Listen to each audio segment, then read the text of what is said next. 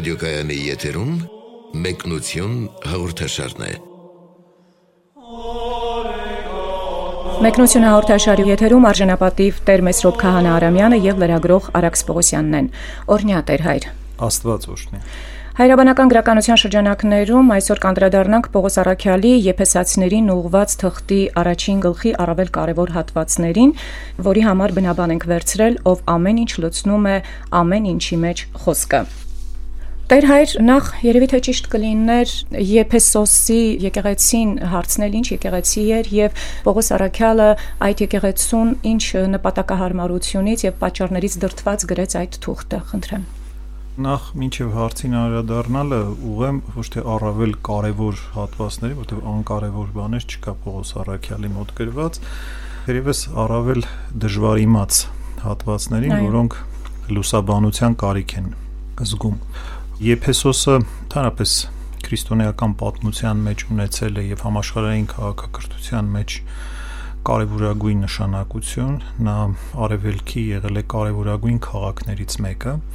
եւ նաեւ այդ քաղաքի հետ է կապված, ինչպես գիտեք, Եփեսոսի տիեզերաժողովը այնտեղ գումարվել է երրորդ տիեզերական ժողովը, այսինքն եզրափակիչ ժողովը, որտեղ տրվել են եկեղեցու քրիստոսաբանական, այսպես սահմանումները եկեղեցու կողմից եւ ժողովը վարել է նշանավոր Սուրբ Գյուրեղ Ալեքսանդրացի հայրապետը ինչպես երևում է գործ կարակելոցից Պողոս Արաքյալը այնտեղ բավականին ժամանակ է անցկացրել եւ ըստ էության եղել է Եփեսոսի եկեղեցու հիմնադիրներից, եթե ոչ գլխավոր հիմնադիրը։ Եվ ենթադրվում է, որ այս թուղթը, ինչպես նաև մի շարք այլ թղթեր, նա գրել է Հռոմում, բանտից մոտարապես 62 թվականին բայց հետաքրքրականը այն է, որ հնագույն ձեռագրերը չեն պարունակում, որ Եփեսոսում եք արտահայտությունը եւ հետագա քննադատները համարում են, որ դա խմբագրություն է եւ ընդմիջարկություն է, որտեվ հնագույն հունարեն բնագրերը այդ արտահայտությունը չունեն։ Եվ միևնույն ժամանակ նաև քննադատները տեսնում են, որ չկա նաև որոշակի մանրամասնություն կապված այնտեղի համայնքի զանազան իրադարձությունների հետ թուղթը գրված է շատ բարձր ոճով, միստիկ, վերամբարձ, խորը, դժվար իմաց ոճով է եւ չկան համայնքային կյանքին վերաբերող ինչ որ դետալներ, մանրամասներ, ինչը նախորդ թղթերի համար չես ասի։ Եվ դու այո, որտեղ կան բավականին մանրամասներ, անձեր են հիշատակվում, այսինքն ինչ որ մանրամասներ կան կապված այդ համայնքում տիրող իրավիճակների եւ թղթի բովանդակությունը նաեւ այնպեսին է, որ դա կարող էր հավասարապես վերաբերվել բոլոր եկեղեցին, ընդհանրապես բոլոր քրիստոնյաներին։ Կարող էր դա լինել ընդհանրական ուղերձ։ Սրա վրա են մատնանշում Սուրբ գրքի մեկնաբանները, քննադատները, մտածելով, որ այն կարող է որոշակի խմբագրության ենթարկված լինել, չվիճարկելով Պողոս Արաքյալի հեղինակության ակնհայտ, այսպես ասած, ներկայությունը։ Թուղթը նաև շատերի կողմից համարվում է որպես Պողոս Արաքյալի աստվածաբանության, ընդհանրապես առաքելական թղթերի պսակ է համարվում որտեվ այստեղ իսկապես կան շատ խորը աստվածաբանական միստիկ շերտեր Եվ ընդհանուր առմամբ նաև պետք է ասել, որ թուղթը դժվար իմաց է եւ որոշ տեղերում կան թեական մեկնաբանություններ, այսինքն դժվար է մինչև վերջ ընկալել եւ հասկանալ այն բոլոր նրբին երանգները եւ ցալքերը, որ Պողոս Արաքյալը փորձում է փոխանցել հավատացյալներին։ Ընթերցենք հատվածը Օրհնյալ է Աստված եւ մեր Տեր Հիսուս Քրիստոսի Հայրը, որ օրնեց մեզ ի Քրիստոս ամենայն հոգեվոր օրհնությամբ երկնային աշխարհում։ Նա ընտրեց մեզ Քրիստոսի միջոցով նախքան աշխարհի արարումը, որպեսի մենք սուրբ եւ անարատ լինենք նրա առաջ սիրով։ Նախասահմանեց մեզ որդեգրության Հիսուս Քրիստոսի միջոցով ըստ իր կամքի հաճության։ Գովենք նրան այն փառքի համար, որով երջանկացրեց մեզ իր սիրելիով։ Նրանով է որ ունենք փրկություն նրա արյան միջոցով մեղքերի թողություն ըստ իր շնորի մեծության չափի, որ եւ առատացավ մեր մեջ ամենայն իմաստությամբ եւ գիտությամբ։ Առաջին հատվածում խոսում է հոգևոր օրնության մասին Տեր Հայր եւ որպես դրա իրագործման վայր նշում է երկինքը կամ երկնային աշխարհը։ Մեկ այլ տեղ էլ առաքյալը զարգացնում է երկնային քաղաքացիության գաղափարը։ Ինչպես հասկանալ։ Արդյոք սա նշանակում է, որ քրիստոնյայի հոգսը երկրի վրա բացառապես հոգուտ երկնայինի ամբարելն է։ Այդպես պետք է հասկանալ։ Ընդհանրապես երկնակաղակացությունը կամ երկնքի հետ առնչակցությունը քրիստոնեական կյանքի գլխավոր իրողությունն է այսինքն մեր կյանքը այլևս չի սահմանափակվում երկրավոր վերջավոր իրականությամբ եւ երկնայինը կամ երկնային կյանքը, հա, մեր դառնում է մեր կյանքի գլխավոր նպատակը։ Հենց դրա համար էլ Աստծո որդին մարմնացավ, որպեսի մեզ հաղորդակից դարձնի երկնքի արխայությանը, ժառանգակից դարձնի երկնքի արխայությանը։ Եվ դրա համար սրանք պարզապես խոսքեր չեն, այլ իսկապես ուղեցույց են, թե որն է քրիստոնեական կյանքի նպատակը։ Եվ 4-րդ կետի խոսքերը. Արդյոք նշանակում են, որ սրբության եւ աստվածային սիրո շնորհների հասցեատերը ի սկզբանե որոշված էր։ Նախ ասում եմ, որ Աստված նախապես է մեզ ընտրել եւ շատ կարեւոր հավելում է անում Պողոս Արաքյալը լինելու սուրբ եւ անարատ նրա առաջ սիրով եւ բազմաթիվ այլ տեղերում է ասում կան արտահայտություններ Պողոս Արաքյալի մոտ եւ նաեւ այլ անձանց վերաբերյալ, որ Աստված նախապես որովայնից կամ նախապես շատ ավելի առաջ ընտրել է նրանց։ Եվ այս ընտրությունը պետք չէ հասկանալ որևէ ձևով մարդկային կամքի կամ ազատության սահմանափակում, այսինքն Աստծո նախագիտությունը որևէ ձևով մեր ազատությունը չի սահմանում Այսինքն այդպես չի, որ Աստված որոշել է եւ այլևս մարդու ազատ կամքից ոչինչ կախված չէ ինչպես երբ մենք գիտենք որևէ օրինաչափություն, դա չի նշանակում, որ այդ օրինաչափության մեջ գտնվող իրերի վրա մենք ազդում ենք։ Եթե գիտենք մենք ոնց որ ասած ֆիզիկական օրենքներ, թե ինչպես այս process-ը պիտի ընթանա, դա չի նշանակում, որ մենք ֆիզիկապես մտել ենք այդ process-ի մեջ եւ ուղղորդում ենք այդ process-ը։ Պարզապես դա ճանաչողություն է, որը մենք ունենք, եւ ներ ճանաչողությունն էլ դեռ ժամանակի մեջ է, իսկ Աստված ունի անժամանակ ճանաչողություն, այսինքն նրա համար չկա ապագա, ներկա կամ անցյալ։ Այդ մեզ համար է որ կա։ Նշանակում է Աստծո տեսողության արժև ամեն ինչ առանց ժամանակի པարզ է, ինչպես կտավի վրա եւ ապագան եւ ներկան եւ անցյալը, այսինքն Աստծո տեսողությունը որևէ ձևով մեր գործերը չի սահմանափակում եւ դրա վառ արտահայտությունն ասում է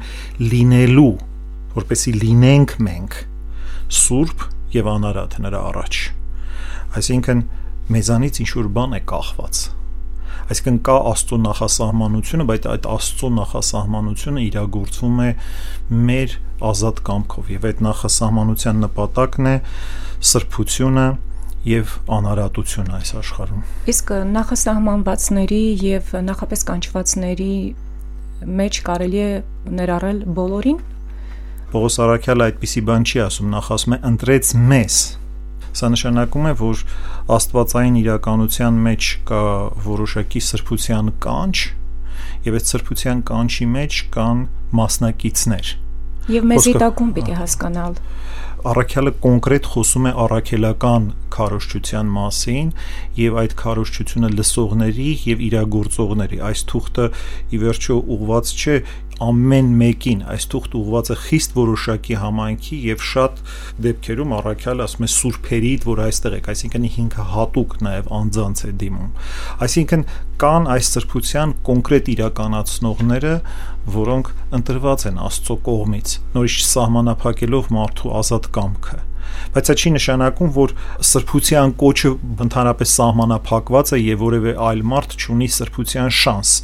այս կամ այն չափով յուրաքանչյուր մարդ կարող է իրականացնել, բայց առաքյալը այստեղ ավելի կոնկրետ իրականություն նկատի ունի։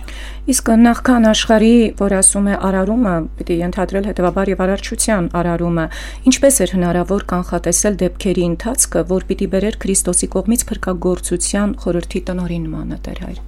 շատ հստակ է, այսինքն նորից երբ մենք խոսում ենք Աստծո նախասահմանության մասին կամ Աստծո նախահավիտյան խորհրդակցության մասին, որը անժամանակ է, այսինքն ամենասուրբ երրորդության անձերը նախապես խորհրդակցել են աշխարհը արարելու վերաբերյալ։ Երբ ասում ենք նախապես, սա չի նշանակում ինչ որ մի դեպքից առաջ, սա կոչվում է նախահավիտյան, հավիտենական ժամանակից դուրս իրականություն է սա ապա ժամանակի մեջ նրանց խորհրդակցությունը իրականացվել է այսինքն արարել են մարդուն իրենց պատկերով եւ ամբողջ արարչագործությունը ինչպես որ նկարագրված է Սուրբ գրքում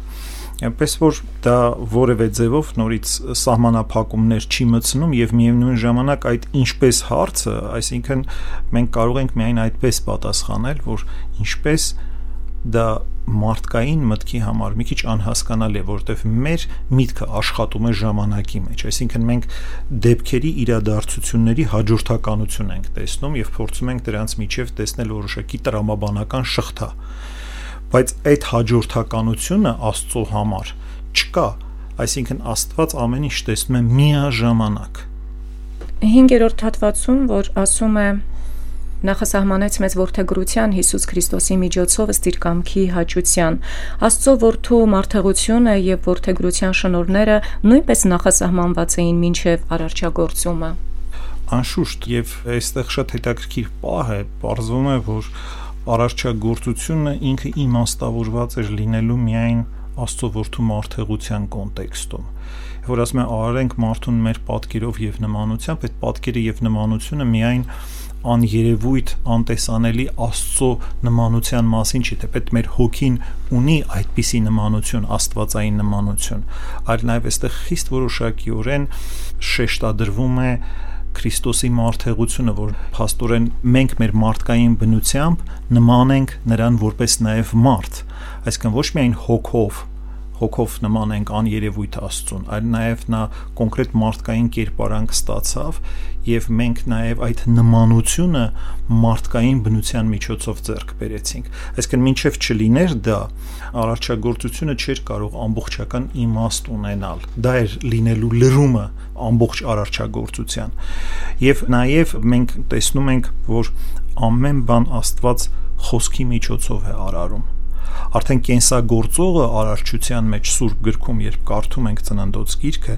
տեսնում ենք, որ Աստվածային խոսքով է ամեն բան իրագործվում արարչության մեջ։ Սա նշանակում է, որ որդին է բանալին ընդհանրապես արարչության եւ դրա համար որդու մարդեղությունը հանգուցային կետ է արարչագործության մեջ։ Սա նաեւ նշանակում է, որ Աստված իր ворթու միջոցով արարելով արարչագործության մեջ դնում է ворթեգրության մի հատ շատ կարևոր իմաստ, ворթիության մի իմաստ։ Դա պարզապես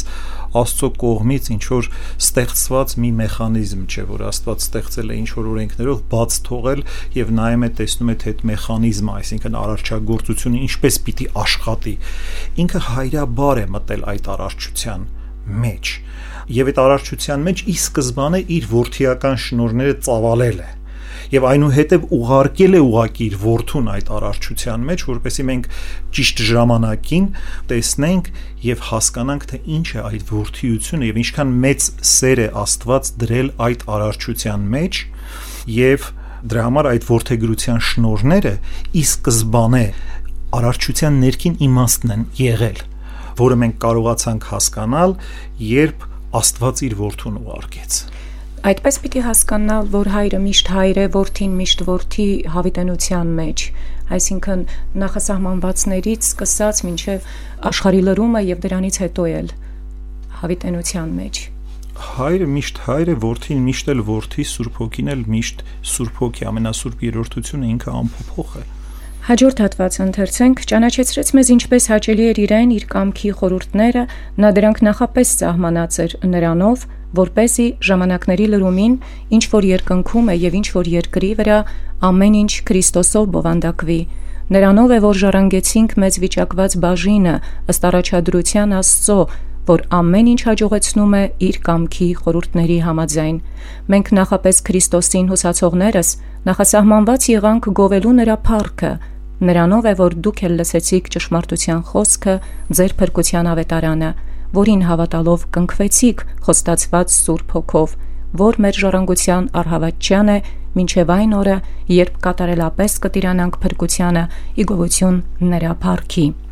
Այսերորդ հատվածը ինչպես հասկանալ ժամանակների լրման տեսությունը, որին անդրադառնում է եւ ինչպես են երկնավորներն ու երկրավորները բովանդակվում ի Քրիստոս, ավելի ստույգ միավորվում Քրիստոսի գլխավորությամբ։ ժամանակների լրում արտահայտությունը հստակորեն ըստ եկեղեցու հայրերի կապվում է փրկagorցության հետ շատ հաճախ մենք կարող ենք սա հանդիպել որ երբ եկավ ժամանակների լրում այսինքն հասավ այն պահը որը հանգուցային էր մարդկության պատմության մեջ, այսինքն ոչ շատ շուտ էր եւ ոչ էլ շատ ուշ, այլ ճիշտ ժամանակին էր, այսինքն շատ ուշ չէր, որպեսի մարդկությունը հուսահատված չլիներ, շատ էլ շուտ չէր, որպեսի այդ պահը բավականին սպասված չլիներ։ Այդ ժամանակ եկավ Տերը, եկավ եւ մարդացավ։ Եվ ամբողջ մարդկային իրականությանը եւ ընդհանրապես ամբողջ արարչագործությանը տվեց մի նոր իմաստ եւ մեզ դարձրեց երկնային արխայության ժառանգորդներ, տվեց ворթեգրության շնորհները, մեզ բոլորիս բովանդակեց եւ միավորեց եկեղեցու խորհրդով, որտեղ մենք այդ եկեղեցու կենթանի քարերն ենք, նրա մարմնի անդամներն ենք։ Եվ ասում է, որ բովանդակել են բովանդակելու գրափարյան արտահայտությունը բովանդակել է զամենայն Քրիստոսով, բովանդակելու ամեն ինչ Քրիստոսով։ Սակայն իրականության մեջ հունարեն բնագիրը, եթե ճշգրտորեն թարգմանվի, միավորել Քրիստոսի գլխի ներքո, Քրիստոսի գլխավորությամբ միավորել, այդտեղ գլուխ բառը կա հունարենում, որը ավելի հստակ է դարձնում այս ամեն ինչի իմաստը, այսինքն միավորել բոլորին մեկ գլխի ներքո այստեղ հստակ ակնարկություն կա Քրիստոսի եկեղեցու եւ նաեւ պետք է ասել որ այս միավորել Քրիստոսի գլխի ներքո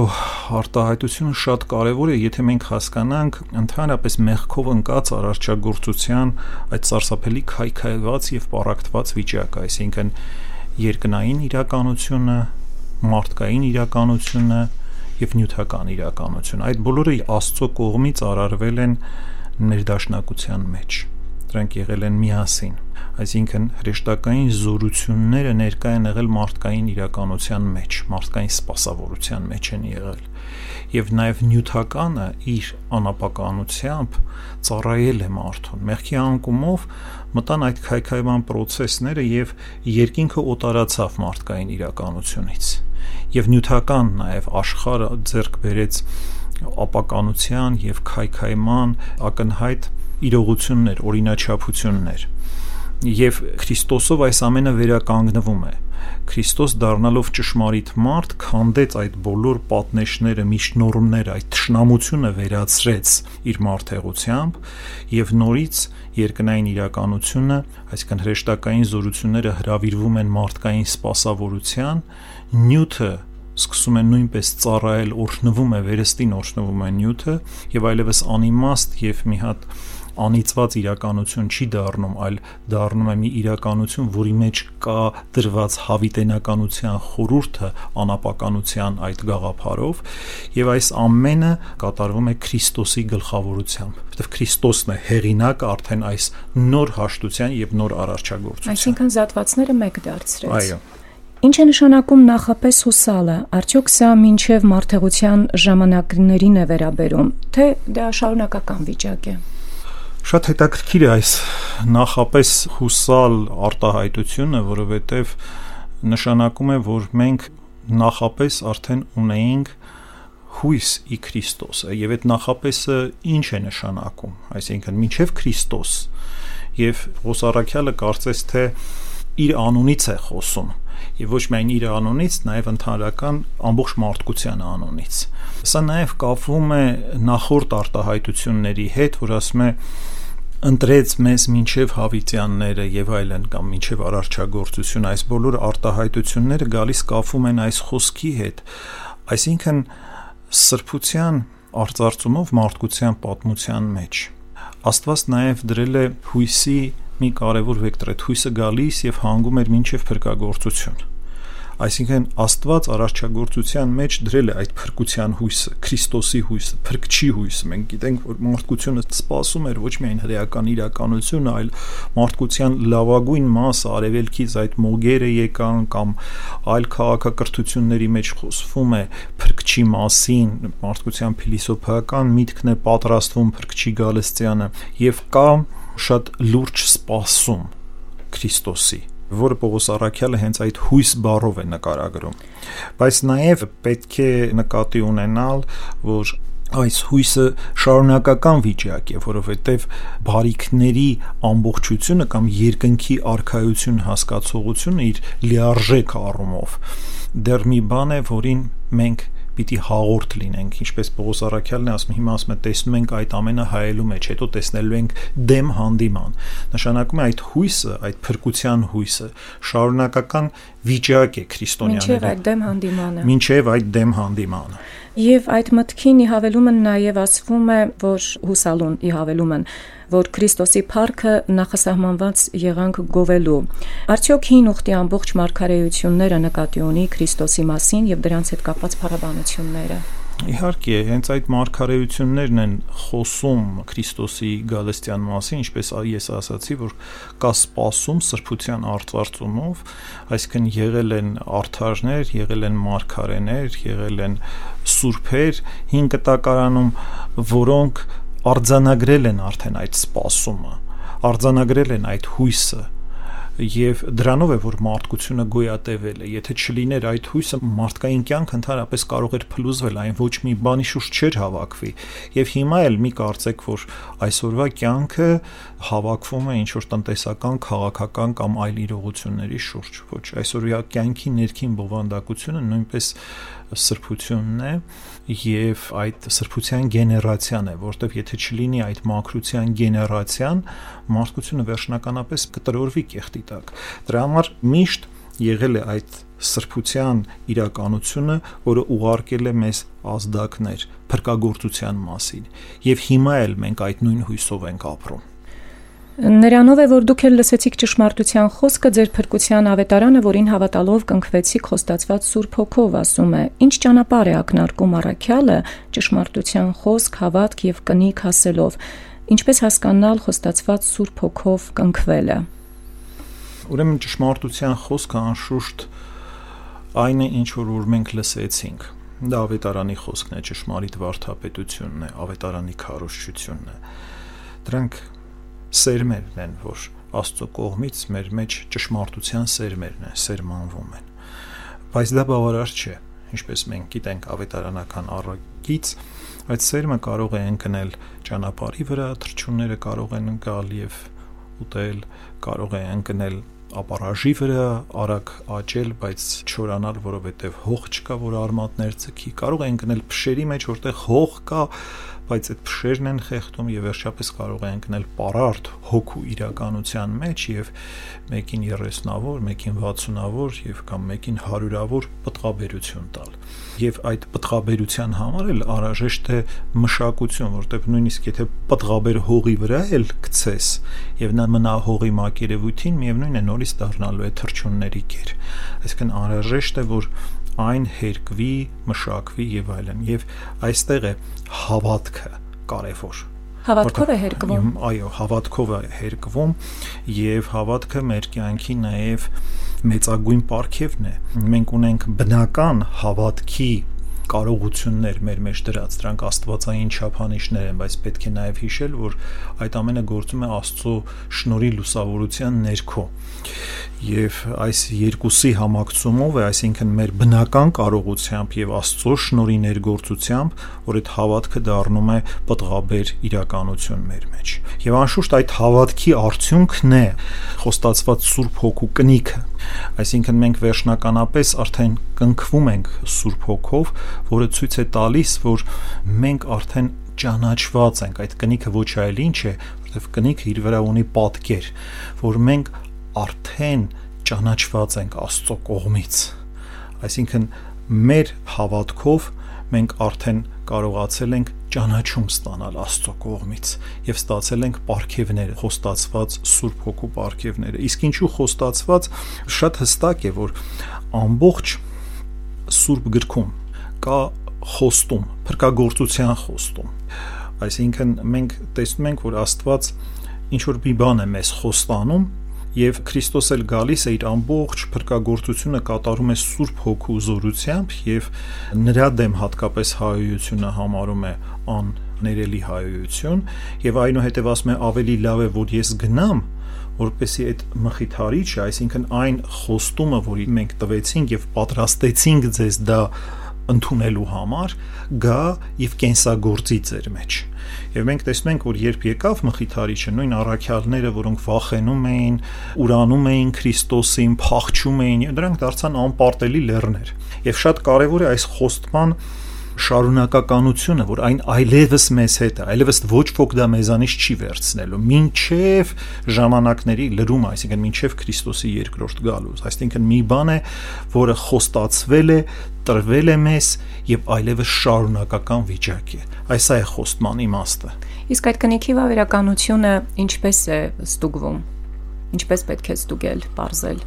Այդպիսի հստակ ինչ որ գործիքներ մենք չունենք, որ ասենք թե վավերական է կամ վավերական չի, որտեղ դրանք անտեսանելի կնիքներ են։ Բայց հստակ է մի բան, որ մարդու կյանքը լրիվ վերափոխվում է, լրիվ պայծառակերպվում է եւ այլ ընթացքի մեջ է մտնում,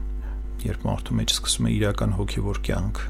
Մարդը իր կյանքով է, այսինքն վկայում, պատմում այդ կնիքի իր հոգեվոր գործերով, իր առաքինություններով, իր ներքին լույսով, ներքին խաղաղությամբ այդ մասին նկարագրված է թե ինչպիսին պետք է լինի քրիստոնյան եւ ինչերից է հատկապես երևում որ նա քրիստոնյա է թե ոչ բայց սա մենք պարզապես չենք խոսում քրիստոնեական կարգ ու կանոնի օրենքների եւ գործերի մասին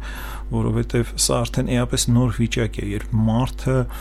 լցված է Սուրբ Հոգով, երբ մարդը լցված է Աստվածային իրականությամբ։ Նրանից իսկապես այդ ժամանակ գալիս են առանց որևէ խոսքի այնպիսի ճառագայթումներ, որ իսկապես ոչ միայն իր մերձավորներին, այլ նաև հերավորներին է կարողանում այդ մարդը հասնել իր հոգու խաղաղությամբ, իր սրբությամբ, սիրով եւ այլ աստվածային առաքինություններով։ Հաջորդ հատվածը՝ Ոստի ես էլ երբ լսեցի ձեր հավատի մասին, որ ունենք Տեր Հիսուս, եւ սիրո մասին, որ ունեք բոլոր սրբերի հանդեպ, չեմ դադարում գոհություն հայտնել ձեզ համար, հիշելով ձեզ իմ աղոթքներում, որպեսի մեր Տեր Հիսուս Քրիստոսի Աստվածը, Հայրը փառքի, ձեզ տա իմաստության եւ հայտնության հոգի իրեն ճանաչելու համար։ Նա լուսավոր պիտի դարձնի ձեր սրտի աչքերը, որպեսի մենք հասկանանք, թե ինչ է նրա կոչման հույսը ինչ է նրա ժառանգության փառքի մեծությունը սրբերի մեջ եւ ինչ է նրա զորության գերազանց մեծությունը Ինչպես հասկանալ մեր Տեր Հիսուս Քրիստոսի Աստված եւ Փառքի Հայր արտահայտությունները, մանավանդ որ դրանք առանձին են ասվում։ Հատկապես պետք է այստեղ ուշադրություն դարձնել, որ շատ այլ տեղերում կան նամանման արտահայտություններ եւ պետք չէ աղանդավորական մտածելակերպով մոտենալ, որ ահավասիկ մեր Տեր Հիսուս Քրիստոսի Աստված կամ Փառքի Հայր եւ այլն, հետեւաբար Քրիստոս Աստված չէ, ինչպես որոշակի աղանդավորներ շահարկում են Սուրբ Գիրքը ցույց տալով, որ ահավասիկ տեսնում եք, որ Քրիստոս ասում է իմ Աստվածը բայց Քրիստոս այդ արտահայտությունը նաև անում է շատ այլ տեղերում, ինչպես օրինակ Մարիամ Մագդաղենացուն, երբ հարությունից հետո հայտնվեց, ասաց, որ ես գնում եմ, բարձրանում եմ իմ հոր մոտ եւ ձեր հոր մոտ, իմ Աստծո եւ ձեր Աստծո մոտ։ Այսինքն այս արտահայտությունը Քրիստոս երբ անում էր, ոչ թե նրա համար էր անում, որ ինքը Աստված չէ, որտեղ Աստվածությամբ նա միշտ իր հոր հետ է եղել եւ նա հոր մոտ բարձրանալու կարիք չուներ, որտեղ միշտ Աստվածային բարձունքներում է եղել, այլ պետք է նկատի ունենալ, որ այստեղ մարդկության, մարդկային բնության որդեգրության իրականություն կա։ Այդ ամենը պիտի ընծայվի հորը, այսինքն մարդու փառավորման process կա եւ ահասրա մասին է Քրիստոս խոսում եւ հարությունից հետո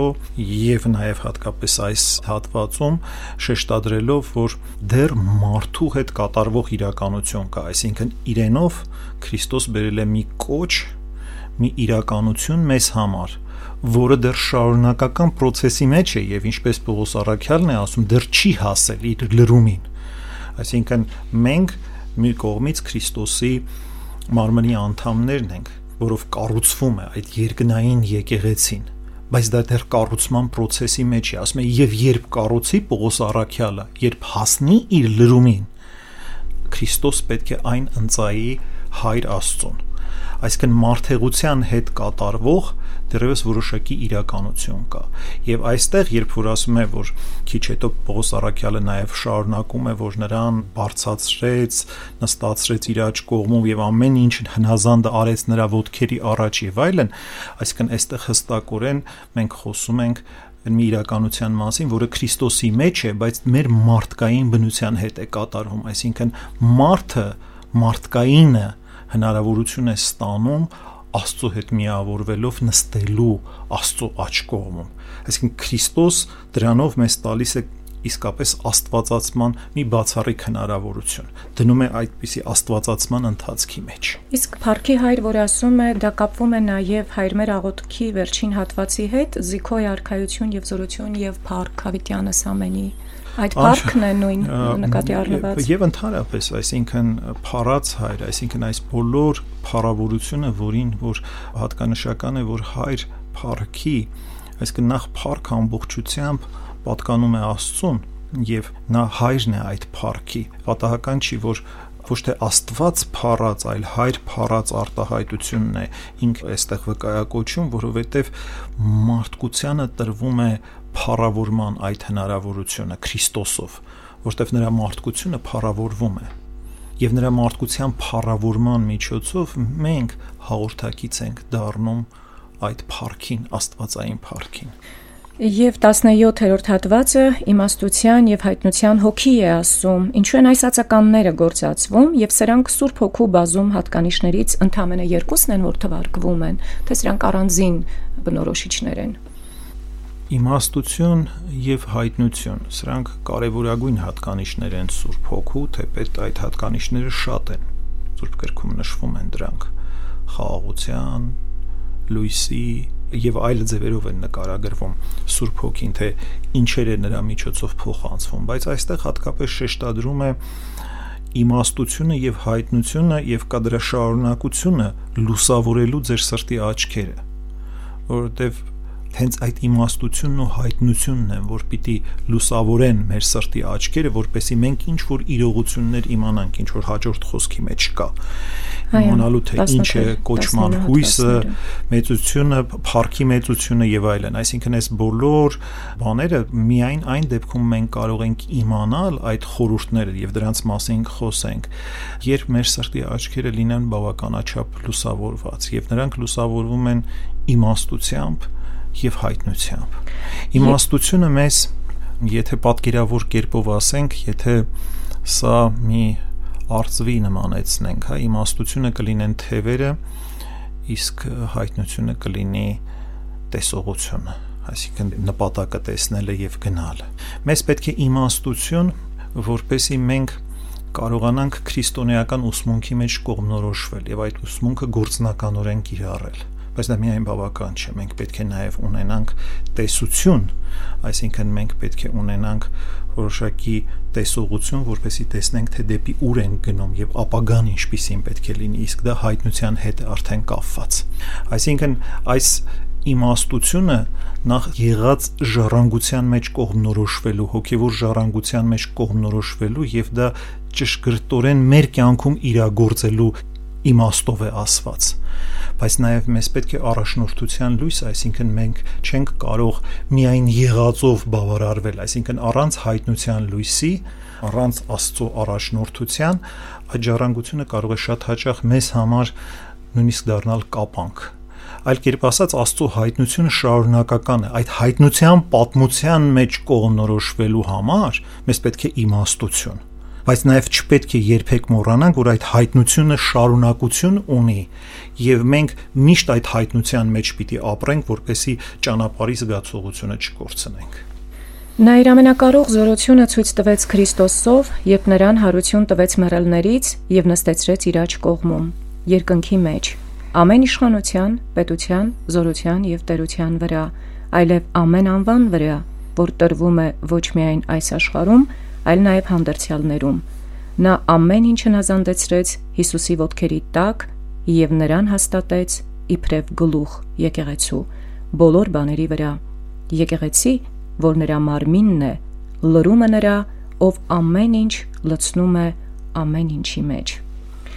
20-ից 23 հատվածներում այս տողերում ի հայտ է գալիս մարդկային բնության փառավորումը եւ եկեղեցու Քրիստոսի փրկagorց մարմնի տնորինության խորուրդը, այդպես հասկանալ եւ նաեւ Քրիստոս մարդանալու ճանապարով մահ ճաշակեց եւ այդ ճանապարհն անցնելով հարություն առավ, այդ կերպն արժանի դարձրեց մարդկային մարմինը հարության։ Ես ուզում եմ նախորդ խոսքի մեջ նաև մենք մի կարևոր բան բաց թողեցինք, հա,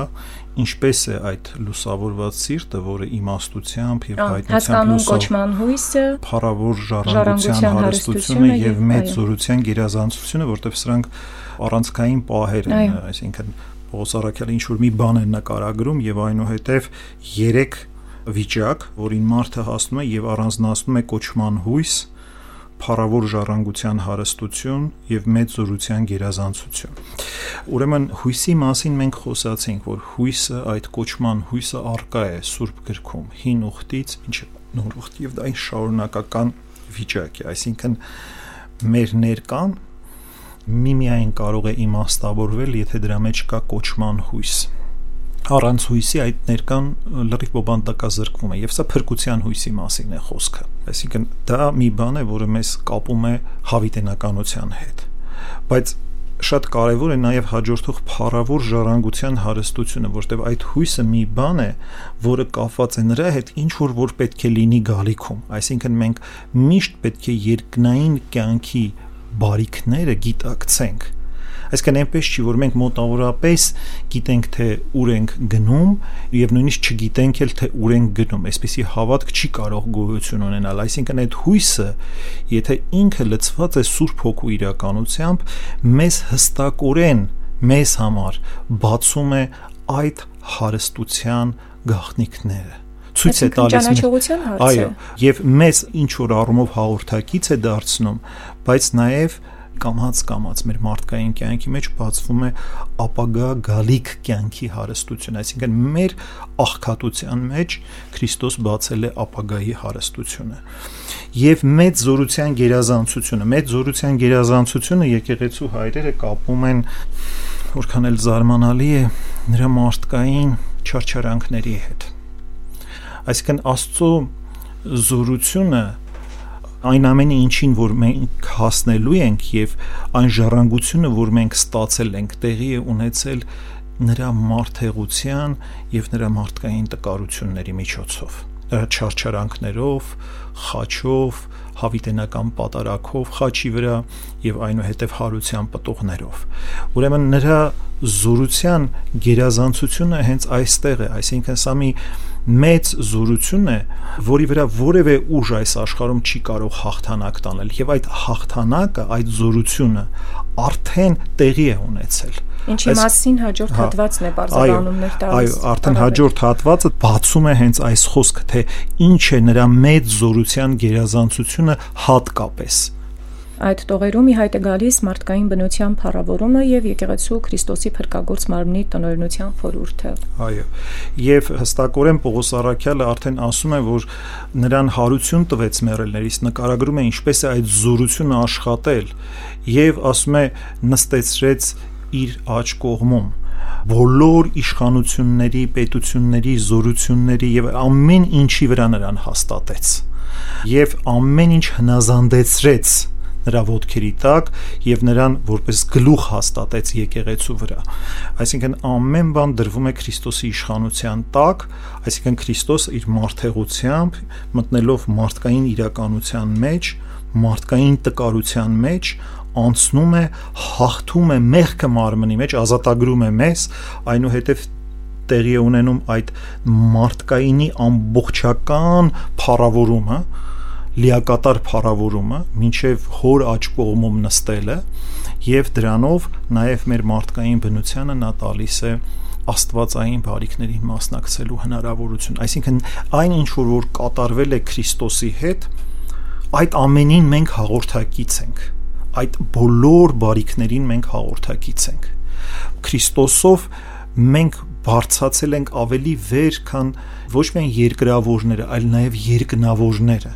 այսինքն ամենապատվական դիրքում է հայտնվել, որովհետև մարդն է Աստծո պատկերը եւ նմանությունը։ Սրանով է տեղի ունենում լիակատար վերականգնումը այդ խաթարված պատկերի եւ նմանության։ Եվ ամենայն ինչ որ Աստված արարել էր, արարել էր ի հնազանդություն մարդու, ի սպասավորություն մարդու եւ Քրիստոսի այս փրկagorցությամբ այդ ամենը վերականգնում է եւ նաեւ շատ կենտրոնական դրույթ է Պողոս Արաքյալի հատկապես այս թղթի համար, որտեղ նա խոսում է հենց եկեղեցու իրականության մասին, որ Քրիստոս գլուխն է եկեղեցու եւ հետագայում այս թղթում նա հետեւողականորեն բացում է թե ինչպես է ինքը հասկանում կամ ընդհանրապես եկեղեցու խորհրդաբանությունը Իսկ ինչպես հասկանալ պետություն, զորություն եւ տերություն եզրերը։ Այս աշխարհի համակարգերի մասին է խոսքը թե երկնային։ Այստեղ Պողոս Արաքյալը առավելապես նկատի ունի երկնային իրողությունները, այսինքն դրանք հրեշտակային կարգեր են, զորություններ են եւ այլն։ Թեպետ ասենք որոշակի դեպքերում նաեւ կարելի է սա հասկանալ ընդհանրապես այս աշխարհում, որովհետեւ ասում է ոչ միայն այս աշխարհում, այլև հանդերձյալում, այսինքն այս աշխարհի իշխանությունների եւ զորությունների առումով էլ կարելի է հասկանալ։ Իսկ ինչ անվան մասին է խոսքը խոսքը, որ տրվում է ոչ միայն այս աշխարհում, այլև հանդերձյալներում եւ հանդերձյալները ինչպես հասկանալ։ Այդ անունները ինքը հստակորեն թվարկում է իշխանություն, պետություն, զորություն եւ տերություն եւ ամենայն անուն, որ ոչ միայն այս աշխարհում է, այլև հանդերձյալում, այսինքն որևէ անուն նկատի ունի որևէ իշխանության տեսակ, որևէ զորության տեսակ, որ կա աստվածային իրականությունից ներքև, այսինքն արարչագործության ոլորտում է գտնվում, որը անվանելի է ընդհանրապես։ Իսկ հանդերձյալը ինչպես հասկանալ։ Հանդերձյալներումը Այսինքն այս իրողությունը վերաբերում է ոչ միայն այս կյանքին, այլ նաև հանդերձյալ իրականությանը։ Այսինքն երկնային իրականություն հանդերձյալի տակ հասկանանք ոչ միայն երկնային, այլ երկրավոր եւ երկնային, այսինքն այն ինչ որ որ լինելու է հանդերձյալում այսինքն ինչ որ հիմա է եւ այն հանդերձյալը նշանակում է այն ինչ որ լինելու է ապագայում այսինքն ոչ միայն այժմ այլ նաեւ ապագայում իսկ երկնքում աչ կողմը բազմելը ինչ է խորհրդանշում աստակորեն ասում է որ իր աչ կողմում այսինքն Քրիստոսով մարդկային բնությունը Աստծո հետ միավորվելով նստում է հոր աչ կողմում Այսինքն ընդհանրապես Աստծո աչը ֆիզիկական հասկացողություն չէ, դա հոգևոր հասկացողություն է կա աստծո ձախ որը աստծոց մերժված իրականությունն է եւ կա աստծո աչ որը աստվածահաճո իրականություն է այսինքն այն ինչ որ կամենում է աստված այսինքն մարդկային բնությունը սրանով ստանում է Աստծո աչ կողմում լինելու, այսինքն Աստվածահաճո իրականության մեջ, բայց ոչ միայն Աստվածահաճո, Աստծո անմիջական մերձավորության մեջ լինելու հնարավորություն։ Եվ ասում է ամեն ինչ հնազանդեցրեց, այդ հնազանդեցնելը պիտի հասկանալ կամավոր հնազանդություն, թե որոշ դեպքերում նաև պարտադրված եւ կար որևէ բան, որ իր ասած այդ ամենի մեջ չէր մտնում։ Ընդհանրապես, երբ որ ամեն ինչ արտահայտությունը խոսվում է, ամեն ինչը պետք է հասկանալ գոյավոր իմաստով, ոչ թե կամային խլրտումներ։ Այսինքն մեր կամքը այսօր կարող է Աստծուն հնազանդ լինել, վաղը հնազանդ չլինել։ Սա կամային վիճակ է, որը լրիվ կախված է մեզանից եւ Աստված ընդհանրապես այդպիսի բաների վրա չի բռնանում կամ այսպես ասած չի բռնադատում մեր կամքը բայց մեր հնազանդ լինելը Աստծուն որպես գոյավոր անկախ է մեր կամքի դրսևորումներից նա միևնույն է մեր Տերն է անկախ նրանից մենք գիտակցում ենք նրան հնազանդվելու անհրաժեշտությունը թե չենք հնազանդվում դրանից չի դադարում նա մեր Տերը լինելուց այսինքն այստեղ ուղակի խոսվում է որ ամեն բան ինչ որ որ կա դրվում է Քրիստոսի իշխանության տակ մենք մինչ այդ էլ ունեինք Տեր Աստված, որը աներևույթ մեր Տերն էր, բայց հիմա մենք ունենք մեկ այլ կարևոր հանգամանք, որտեղ խոսքը գնում է մարդացած Աստծո մասին այսինքն մենք նրա հետ ունենք արդեն մարդկային հաղորդակցություն նա ոչ միայն որպես Աստված է մեր Տերը, այլ որպես մարդացած Աստված է մեր Տերը։ Սա փոխում է իրականությունը որովհետև այն ժամանակ մենք կարող էինք ասել, որ դե մենք չգիտեինք մեղքը ինչ է, մենք չգիտեինք ինչպես պետք է մենք մեղքի դեմ պայքարենք։ տարբեր բաներ մենք կարող էինք ասել, բայց նա եկավ եւ արդեն այդ ճանապարհը ցույց տվեց։ Մենք չենք կարող ասել, որ մենք այլևս չգիտենք ճանապարհի տեղը կամ հնարավոր չէ սա մարդկային բնության համար։ Դրա հնարավորությունը լիակատար կերպով մեզ տրվել է։ Նա Տեր է այս իմաստով, որ մեզ տվել է փրկagorցության ամբողջ հնարավորությունը եւ որպես Տեր առաջնորդում է մեզ այդ փրկagorցության ճանապարհով արդեն մարդկային հաղորդակցությամբ Երբ ասում է եկեղեցին Քրիստոսի մարմինն է, նկատի ունի նրա նյութական ներկայությունը երկրի վրա, Քրիստոսի նյութական եւ նյութական առումով եւ անշուշտ նաեւ միստիկ առումով, որովհետեւ այստեղ խոսքը գնում է Քրիստոսի խորհրդական մարմնի մասին, որ եկեղեցին որպես հավատացյալների միություն իրենից ներկայացնում է Քրիստոսի խորհրդական մարմինը եւ այդ մարմինը նաև եկեղեցու հայրերը անվանում են միստիկ մարմին, այսինքն ֆիզիկական եկեղեցին ինքը նյութական խորհրդանիշն է այդ երկնային միստիկ տաճարի եւ այդ տաճարը շարունակական կառուցման մեջ է, այսինքն այստեղ պետք է տարածիորեն հասկանալ, որ դա զուտ ֆիզիկական առումով է ասում, եւ ֆիզիկական եւ հոգեվոր, որովհետեւ ինքը խորհրդական արտահայտություն է, միստիկայի արտահայտություն է, եկեղեցին Քրիստոսի մարմինն է եւ դա իր մեջ ունի պարզապես խորուրդ, որ մեզանով է կառուցված այդ երկնային այդ տաճարի իրականությունը, որի գլուխն է Քրիստոս։ Եվ այնինչ բնաբան էինք վերցրել, ով ամեն ինչ լցնում է ամեն ինչի մեջ։ Ինչպես հասկանանք ամեն ինչ ամեն ինչի մեջ է։ Լրումն է այստեղ շատ կարևոր, թե ինչ լրման մասին է խոսքը եւ այնուհետեւ ամեն ինչ ամեն ինչի մեջ լցնելը։ Եկեղեցու հայրերը այստեղ խոսում են, որ լրումը կարող է վերաբերվել եւ Քրիստոսին եւ եկեղեցուն որտեվ հստակ չէ որ լրման մասին է կամ ինչ լրման մասին է խոսքը եւ իսկապես Քրիստոսը լրումը որովհետեւ նա լրումն է օրենքի եւ մարգարեների խոստման աստվածային ընդհանրապես խոստման եւ նաեւ ինքն է լցնում ամեն ինչ ամեն ինչի մեջ։ Նորից երբ որ ամեն ինչ ասում ենք ամեն ինչի մեջ լցնել, այս ամեն ինչը պետք է հասկանալ ինչ իմաստով եւ ոչ թե վիճակային իմաստով, այսինքն ըստ էսա մեղքի իրականության մասին չէ։ Այլ աստվածային գոյավոր իրականության մասին է խոսքը, որ Աստված ամեն մի էական բան ինքնախ ներկա է ամեն մի էական իրականության մեջ եւ ամեն ինչ լցնում է իր սրբազան ներկայությամբ ամեն ինչ իմաստավորում է նույնիսկ անգամ ֆիզիկական օրենքները աշխարհում գործող նրանք չէին գործի եթե Աստված էապես ներկա չլիներ իր արարչագործության մեջ Աստծո ներկայությունը իր արարչագործության մեջ բնորոշվում է նաև ներունակություն կամ իմանենտություն այս կարևոր աստվածաբանական եզրով, որ Աստված նորից ինչ որ մեխանիզմ չի ստեղծել եւ այդ մեխանիզմը բաց թողել։ Ինքը էապես ներկա է իր սիրով, իր մարդկային նույնիսկ որակումներով, որ Աստվածաշունչը մեզ փոխանցում է, մարդանման որակումներով, որտեվ ասում է ես նախանձոտ Աստված եմ, ես այսպիսի Աստված եմ, այսինքն ինքը ցույց է տալիս, որ ինքը շատ յուրահատուկ վերաբերմունք ունի այդ արարչության նկատմամբ։ Ինքը էապես ներկա է այդ արարչության մեջ։ Եվ առանց նրա այդ արարչությունը բովանդակազրկված է, դատարկ է։ Կա Աստված լիքն է, չկա Աստված դատարկ է այս իմաստով է լրումը եւ այս իմաստով է ամեն ինչ ամեն ինչի մեջ լցնելը։ Իսկ լրումը այլ բառով կարող ենք ավելի հասկանալի լինել ամբողջացում, ամբողջացում։ Բայց նաեւ այս խոսքը պետք է հասկանալ եկեղեցու առումով, որ նա եկեղեցին որպես Քրիստոսի մարմին ինքը լրումն է գլխի եւ այս իմաստով էլ են եկեղեցու հայրերը մեկնում եւ ամեն ինչ ամեն ինչի մեջ լցնելը նրանք նկատի ունեն այսինքն բարիքների ամբողջությունը եկեղեցու յուրաքանչյուր անդամի մեջ լցնելը այսինքն եկեղեցին եկեղեցու յուրաքանչյուր անդամին հաղորդակից է դարձնում հոգեվոր բարիքների ամբողջությանը Անդրադառնանք ձեզ ուղված հարցերին։ Նախորդ հաղորդումներից մեկում ասվեց, որ մարդն առանց շնորհների ապրել չի կարող այս աշխարհում, իսկ այն մարդիկ, ովքեր սպանում կամ բռնանում են երեխաների վրա կամ էլ տարապում են հոգեկան հիվանդություններով, նրանք էլ զրկված չեն Աստծո շնորհներից։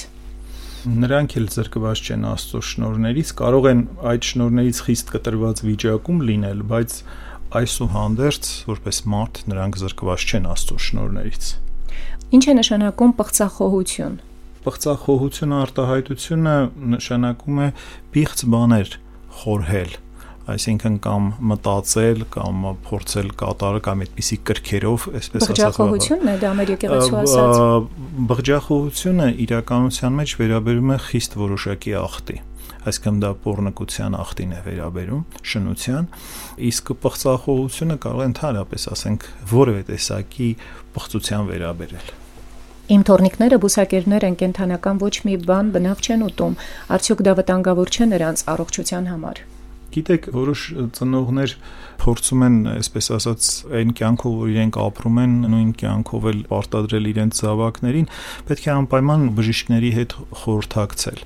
Ոմանք դա անում են եւ եթե դա բժշկական տեսանկյունից ես նկատի ունեմ աճող օրգանիզմի համար վիտամինների տեսանկյունից բավարար է եւ խորհրդակցում են իրենք բժիշկների հետ, այդքան էլ վտանգավոր չէ, բայց այդ աճման տարիքում կան որոշակի կերակրատեսակներ, որոնք անհրաժեշտ են երեխային։ Արդյոք Քրիստոս վերցրեց մեր ապականացու մարմինը, իսկ եթե այո, ապա ինչպես նա այն դարձրեց անապական։ Քրիստոս վերցրեց մեր ապականացու մարմինը, բայց վերցնելուց, երբ վերցրեց, զատեց ապականությունը այդ մարմնից, մեղքը զատեց Այսինքն մենք ասում ենք, որ Քրիստոս դարձավ մեր նման մարդ, ամեն ինչով մեր նման, բացի մեղքից։ Սա է տարբերությունը, որ Քրիստոս մեղանչական մարմին չունի, նրա մարմինը անմեղ է եւ անապական, որովհետեւ ինքը վերցրել է ճշմարիտ մարդկային մարմինը եւ հատուկ ներգործությամբ այդ մեղքը տարանջատել է մարմնից ցույց տալով որ դա մերը չէ որ դա օտարամուտ մի բան է մեր մարդկային իրականության մեջ եւ քանի որ ինքը անմեղ է եւ անմեղությամբ է անցնում մեր մարդկային բոլոր այսպես կրքերի կամ կիրընդունակությունների միջոցով հենց դրա պատճառով է որ ինքը մեղքը դատապարտում է մարմնի մեջ այսինքն մեր կյանքի ցանկացած դրվագ ապրելով իրենք ընդունակությունների կամ մարդկային կրքերի կամ չարչարանքների մեջ մտնելով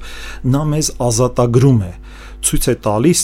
որ մենք այլևս ունենք մեղքից ազատագրվելու լիակատար հնարավորությունը, որովհետև նա անմեղությամբ է անցնում այդ ամեն ինչի միջով, ոչ թե մեզ նման դատապարտված։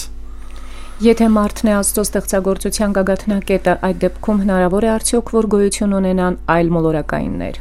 Սուրբ Գիրքը մեզ ներկայացնում է արարչագործությունը որպես մարդակենտրոն, այսինքն որ երկրակենտրոն եւ մարդակենտրոն, այսինքն ամբողջ դիեզերքը իր հոգևոր եւ մնացած բոլոր զորություններով գտնվում է մարդու սպասավորության մեջ։ Դրա համար երբ մենք այլ մոլորակային քաղաքակրթություններ ենք ման գալիս կամ չգիտեմ ինչ, դա Սուրբ գրքի, այսպես ասած, արարչագործության պատկերին չի համապատասխանում եւ միևնույն ժամանակ Սուրբ Գիրքը դրա մասին չի խոսում։ Մենք եթե խոսում ենք հայտնության մասին եւ խոսում ենք Աստծո արարչագործության մասին, Աստծո արարչագործությունը խիստ այդ կերպով է բացված մեզ, որ արարվել է մարդը Աստծո պատկերով եւ նմանությամբ եւ ամբողջ երկրավոր եւ տեզերական, այսպես ասած, իրականությունը, որ տարբեր սֆերաներով շրջապատում է իր կենտրոնում գտնվող մարդուն Սուրբ Պատարագի մեկնության ժամանակ ասվում է, որ երբ քահանան թագը գլխին է դնում, դրանով խորհրդանշում է Հիսուս Քրիստոսին, բայց երբ նրա գլխին թագ կանա մեղա է գալիս եւ դիմում է ժողովրդին, որ Աստծուց խնդրեն իր մեղքերի թողությունը, ինչպես են մեր եկեղեցու հայրերը մեկնաբանում սա։ Ինքը անշուշտ խորհրդանշում է Հիսուս Քրիստոսին բայց դա չի նշանակում, որ ինքը խորհրդանշելու համար Հիսուս Քրիստոսին կարիք չունի մեղքերի թողության եւ մեղքերից ազատագրման։ Այսինքն խորհրդանշել դա չի նշանակում Քրիստոս լինել։ Ամեն դեպքում խորհրդանշելով մենք հասկանում ենք, որ մարդ է այդ անում, որը ենթակա է տարբեր տեսակի փորձությունների եւ տարբեր տեսակի մեղքերի եւ ինքը նաեւ ոչ միայն Քրիստոսին է խորհրդանշում, նա իրականացնում է նաեւ Աստծո ժողովրդի սпасավորությունը Քրիստոսի առաջ ինքը Աստծո ժողովրդի ներկայացուցիչն է Քրիստոսի առաջ։ Եվ դրա համար ինքը Աստծո ժողովրդի արչև խոստովանելու կարիք ունի այդ մեծագույն սпасավորության մեջ մտնելու համար, եւ այստեղ ոչ մի հակասող բան չկա։ Շնորհակալություն մեկնություն հաղորդաշարի եթերում արժանապատիվ Տեր Մեսրոբ Քահանա Արամյանն էր եւ հայրաբանական գրականության շրջանակներում այսօր անդրադարձանք Պողոս Արաքյալի եփեսացիներին ուղված թղթի առաջին գլխին։ Այսօրվա հաղորդման կրկնությանը կարող եք հետևել Կիրակի օրը առավոտյան ժամը 10-ին եւ երեկոյան ժամը 23-ին նաեւ vem.am կայքի մեկնություն ծրագրում։ Օրնյա հայր։ Աստված օրհնի։